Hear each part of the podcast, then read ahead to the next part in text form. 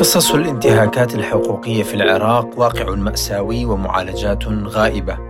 مرحبا بكم في حلقة جديدة من بودكاست في عشرين دقيقة. معكم شاه القرداغي. سوف نتحدث اليوم في هذه الحلقة عن أسباب تصاعد حالات التعذيب والانتهاكات الحقوقية وخاصة في مراكز التحقيق والسجون العراقية. ونبدأ هذه الحلقة من قصة المواطن العراقي علي الجبوري شاب عراقي من مدينة الحلة بمحافظة بابل مركز وسط العراق. ظهر على وسائل إعلامية من خلال مقاطع فيديو وهو يعترف من خلاله بالقيام بجريمة قتل زوجته ثم إحراق جثتها وإلقائها في نهر الفرات. وهي الواقعة التي شكلت صدمة كبيرة في الشارع العراقي وطالب الجميع بمعاقبته على هذه الجريمة البشعة. ولكن المفاجأة أن الضحية كانت حية وظهرت من جديد وثبت للجهات الرسمية أن الزوجة ما تزال على قيد الحياة. وبحسب محامي الزوج فإن علي تعرض للتعذيب بالصعق الكهربائي وقلع الأظافر والتهديد بالإعتداء على عائلته في سبيل أخذ اعتراف كاذب منه بقتل زوجته. هذه القضية أثارت الشارع العراقي وكان هناك مطالبات فورية بمعاقبة المسؤولين عن عملية التعذيب وملاحقتهم قضائياً. وفور الكشف عن ملابسات الحادثة وظهور الحقيقة وبراءة المتهم التقى رئيس الوزراء العراقي بالمواطن البريء وطالب بتشكيل لجنة لمراقبة تطبيق معايير حقوق الإنسان ومراقبة عمل المحققين. كما طالب الكاظمي من المواطن البريء بأن يقوم بدعوى قضائية يطالب فيها برد اعتباره وحقوقه. وبعد أيام من هذه الحادثة المؤلمة في بابل وقعت واقعة أخرى في كركوك عندما قامت القوات الأمنية بتعذيب شاب خلال حبسه على مدى شهر كامل مما أدى إلى بتر وقطع أصابع يديه. ويبدو أن تصاعد الأنباء المتكررة عن حوادث التعذيب والانتهاكات الحقوقية وخاصة في السجون والمعتقلات العراقية قد أصبحت ظاهرة مقلقة للعراقيين بشكل عام. وباتت مصدر اهتمام للمراصد والمنظمات الحقوقية الدولية والمحلية التي تحاول أن ترصد هذه الحالات والتقليل منها ومعاقبة وملاحقة المسؤولين عنها أمام الجهات القضائية. وقد كشف تقرير أصدرته بعثة الأمم المتحدة في العراق عن ممارسة السلطات العراقية العنف والتعذيب داخل أقبية السجون وفي مراكز التحقيق لأخذ الاعترافات من المحتجزين وهذا مؤشر واضح على اهتمام دولي بهذه القضية وتسليط الضوء عليه ومحاولة دفع الحكومة العراقية للاهتمام بهذا الموضوع وأيضا ملاحقة المتورطين فيها. وللحديث أكثر عن هذا الموضوع استضفنا في هذه الحلقة السيد زياد السنجري المتحدث باسم مرصد آفاد لحقوق الإنسان وسألناه عن واقع حقوق الإنسان في العراق في ظل الانتهاكات المستمرة دأبت الحكومات التي أنشأها الاحتلال على آه، إفراز أجهزة أمنية إفراز آه، آه، عناصر قسم منهم كانوا أيضا ميليشيات مثل منظمة بدر وغيرها دخلت القوات الأمنية العراقية. هذه الجهات ارتكبت أبشع المجازر مثل وقت وزير الداخلية السابق آه، جبر صولاغ وغيره. وهناك آه، ملفات نحتاج إلى مجلدات وساعات كاملة نذكرها لكم وكل العالم يعلم بها مثل لواء الذيب وما قام به في مدينة الموصل آه، وسجون وزارة الداخلية والسجون السرية ومطار مثنى ومطار بغداد والحملات التي قام بها المالكي. لذلك هذا منهج دأبت عليه كل الحكومات المتعاقبة وجزء رئيسي من سياسة الدولة العراقية ما بعد 2003 وكل كم يوم نسمع عن حادث قتل ثم نكتشف أن المجني عليه بريء ومات من التعذيب وهذا ما حدث وما قلته لوزير الداخلية أو المتحدث باسم وزارة الداخلية سعد اللواء سعد معا في إحدى المقابلات قبل أيام. إذا هو منهج وانتهاكات جسيمة تحدث في العراق ولربما نسبة إلى سكان العراق. وما يحدث آه، آه، في العراق من جرائم العراق هو الأول عالميا بارتكاب الجرائم نسبة آه، لعدد سكانه من ناحية انتهاكات حقوق الإنسان والأجهزة الأمنية التي قامت بالقتل والخطف والتهجير والتنكيل ولعل مرصد آفات أفرز مساحة واسعة من خلال العام الماضي من خلال 19 حملة موثقة بهذه بهذا الخصوص وبهذه المعلومات الكافية والإفادات والصور والوثائق التي قمنا بنشرها في مرصد آفات. وسألناه أيضا عن مدى وجود محاسبة جادة للمتورطين بارتكاب الجرائم والانتهاكات في المراكز الأمنية وقال لنا سوفت الحكومات المتعاقبة أو المسؤولين في الملفات آه، وزارات الأمنية والملفات الأمنية في داخل العراق مثل وزارة الدفاع وزارة الداخلية الأجهزة الأمنية الأخرى. آه، كل عمليات آه، محاسبة المقصرين. في عام 2011 2012 2013 قدمت قدم المدعي العام في مجلس القضاء الأعلى 6000 دعوة عن انتهاكات جسيمة. وهناك آه، انتزاع اعترافات نتيجة التعذيب المستمر. ولربما قبل أيام شاهدنا ما حدث مع أحد المواطنين الذي اعترف بقتل آه، زوجته. وهو لم يقتلها نتيجة التعذيب وكذلك شاهدنا مواطن من أهالي كركوك آه، الحقيقة تمت بتر أطراف أصابعه نتيجة التعذيب وهو شخص بريء ولا يوجد أي مؤشر أمني عليه.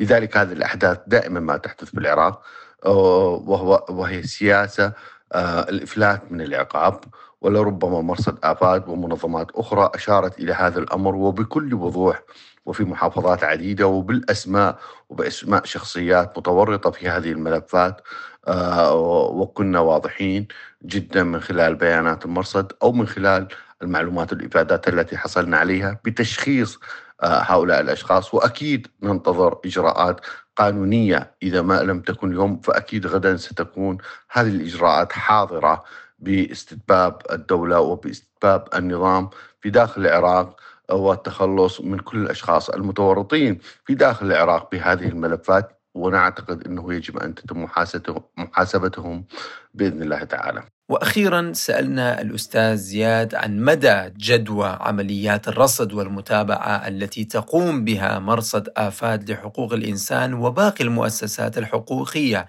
وهل ستؤدي إلى تقليل حالات الانتهاكات في العراق؟ الحقيقة المرصد حريص على توثيق كل تلك الأمور ونعتقد في مرصد آفات آه، كحقوقيين وإعلاميين وصحفيين وناشطين بأننا آه، آه، سنحاسب ذات يوم الجهات التي تورطت في هذا الملف.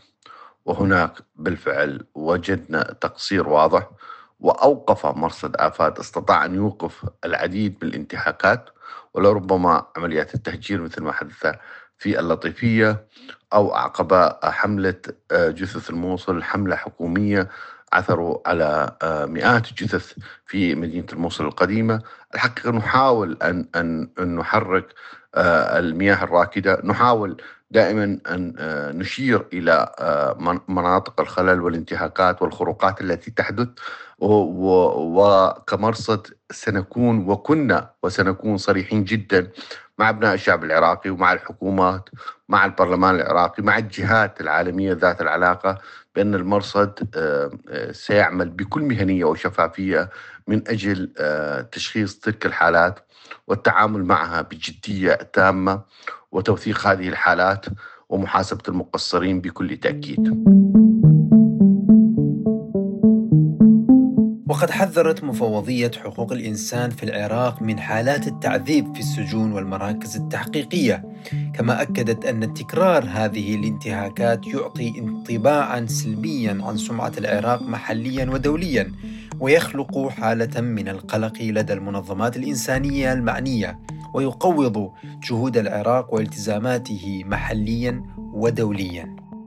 وعلى الرغم من وجود الكثير من القوانين والنصوص التشريعية التي تحرم وتجرم التعذيب والانتهاكات الحقوقية في العراق وتنص على إجراءات صارمة لمنعه مثل المادة 37 في الدستور العراقي الدائم لعام 2005 الذي ينص على منع جميع أنواع التعذيب النفسي والجسدي والمعاملة غير الإنسانية ويؤكد أن لا عبرة بأي اعتراف انتزع بالإكراه أو التهديد أو التعذيب.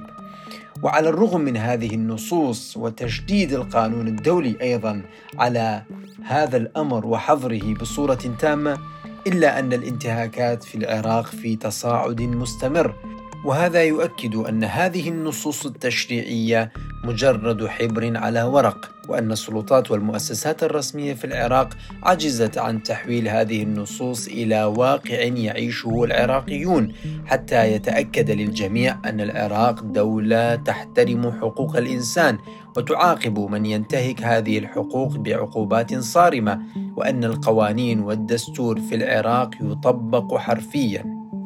وما يثير استغراب العراقيين هو الإنكار الحكومي.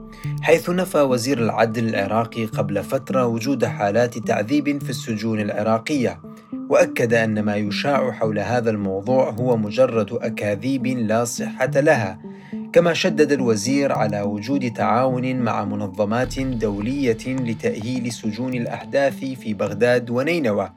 ويستغرب العراقيون من هذه التصريحات الرسمية التي تتعارض مع الواقع المؤلم الذي يعيشه المواطنون ومع حالات الانتهاكات اليومية وحالات الوفيات التي تسجل في السجون العراقية نتيجة للتعذيب. وللتطرق بصورة أكبر وأكثر تفصيلا إلى هذه النقطة تحدثنا مع المحلل السياسي العراقي الأستاذ مجاهد الطائي حيث سألناه عن سبب وجود الكثير من التصريحات الرسمية للمسؤولين والوزراء يؤكدون فيها أن لا تعذيب في السجون العراقية وكيف تقيمون هذه التصريحات التي تنفي هذه الحالات في العراق؟ نعم طبعا آه، يعني تصريح وزير الداخلية آه، بإنكار وجود تعذيب هو جزء لا يتجزأ من نهج الحكومة ككل. آه، فوزير الداخلية على سبيل المثال قال أيضا أن التعذيب زوبعة أثارها الإعلام والناطق باسم الداخلية قال من يتعرض لتعذيب عليه مراجعة الدوائر المعنية لتقديم شكوى. والكاظمي أيضا صور عمليات التعذيب بأنها حالات فردية وليست فعل. ممنهج يجري في السجون. آه، يعني الحكومة في حالات نجد آه، إما متواطئة أو متسترة أو مشاركة في الجريمة آه، أو تقوم بإنكارها. وفي أفضل الأحوال تشكل لجنة تحقيقية غالبا تكون عديمة النتائج وإن صدر حكم على القاتل أو المعذب فستكون فسيكون حكم مخفف كما حصل مع شيخ قتل في الموصل تحت التعذيب وحكم عليه خمس سنوات فقط بينما قانون العقوبات العراقي يوجب إعدامه لخطفه وإخفائه وتعذيبه لذلك المواطن آه، وتعذيبه حتى الموت بوسائل وحشية. كما سألنا الأستاذ مجاهد الطائي عن سبب تصاعد الانتهاكات بحق حقوق الإنسان على الرغم من وجود قوانين تمنع هذا الأمر. غياب العدالة وتغييب القانون والمحاصصة في إدارة السجون ولوبيات الفساد التي تنخر آه، الأجهزة والمؤسسات الأمنية يدفع الجميع للصمت والتستر أو التجاهل آه، هذه الانتهاكات. آه، طبيعة الحال هناك نظر لها كحالات طبيعية فهناك تصاعد لهذه الانتهاكات بشكل ملحوظ. يعني كانت في السابق تحدث في المناطق الغربية والشمالية بالدرجة الأساس وضد تهم كيدية تتعلق بالإرهاب وبدوافع طائفية. أما اليوم فقد أصبحت ضد الجميع وفي كل أنحاء العراق خاصة في آه، الأحكام الثقيلة كالقضايا الجنائية والمخدرات ومع آه، بالإضافة إلى قضايا الإرهاب آه، لذلك الحكومة متجاهلة لمعظم هذه الحالات للأسف. ويعني أفضل ما تستطيع أن تقدمه هو يعني إنكارها أو تشكيل لجنة تحقيقية بعد أن تحدث فضيحة. المحاصصة حولت ملف إدارة السجون ووزارة العدل إلى أشبه ما تكون بإقطاعيات لجهات حزبية وميليشيات تحكمها آه، بعيدا عن محاسبة أحد. وأشبه ما يكون النزيل برهينة لدى آه، عصابة خاطفة.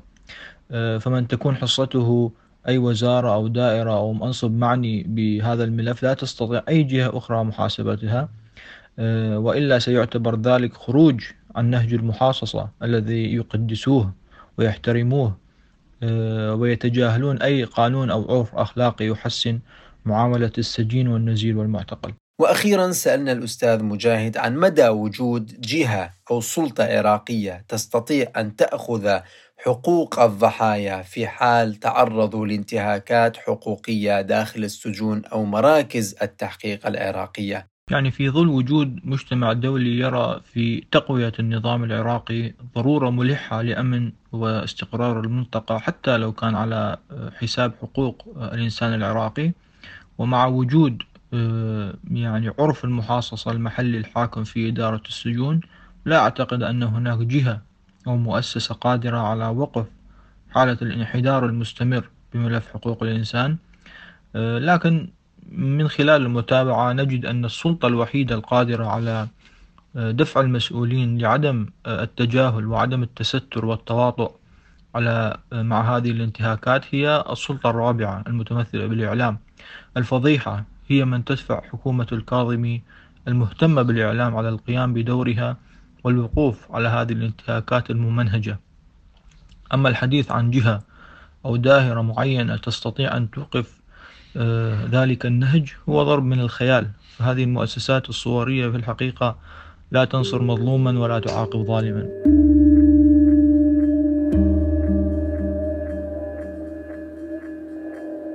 يؤكد العراقيون أن الخطوة الأولى لمعالجة هذا الملف الخطير الذي يؤثر على سمعة العراق محليا ودوليا هو الاعتراف بوجود المشكلة. وهم ينتقدون التصريحات الحكومية التي تحاول دائما أن تنفي من وجود هذه الحالات وتحاول أن تعطي نظرة وصورة جميلة عن الوضع الإنساني في العراق. ويؤكدون على أن الإنكار والنفي الحكومي المستمر لوجود هذه الحالات إنما يدفع المتجاوزين على حقوق الإنسان والذين يقومون بالانتهاكات الحقوقية أن يتمادوا ويستمروا في أفعالهم وتجاوزاتهم. لأنهم على يقين بغياب جهة حكومية أو قضائية قادرة على ملاحقتهم ومحاسبتهم على الجرائم التي يرتكبونها في مراكز التحقيق أو في السجون العراقية. ولا يقتصر عمليات التعذيب والانتهاكات الحقوقية على الأجهزة الأمنية الرسمية بل حتى الميليشيات الموالية لإيران متورطة بالقيام بعمليات التعذيب وتعنيف ضد المواطنين وخاصة الشباب والمتظاهرين. وهذه الميليشيات متهمة بإدارة سجون سرية تقوم من خلالها بتعذيب الشباب واستخدام كل أنواع العنف الجسدي والنفسي ضدهم. وفي ظل هذا الواقع المأساوي الذي يعيشه واقع حقوق الإنسان في العراق يعتقد العراقيون بأن معالجة هذا الملف يحتاج إلى إرادة وطنية قادرة على فرض القانون وأيضا إعادة احترام القانون داخل العراق. وبالتالي من الممكن حينها أن يتم استرجاع حقوق العراقيين ومواجهة الميليشيات والسلاح المنفلت ومن يقوم بتعذيب العراقيين وانتهاك حقوقهم. هذا كل ما لدينا في هذه الحلقة من بودكاست في عشرين دقيقة من إعداد وتقديم شاهو القرداغي. تناولنا فيها موضوع الانتهاكات الحقوقية وغياب المعالجات الحقيقية. شكرا لكم لحسن الاستماع وإلى اللقاء في حلقة قادمة. thank you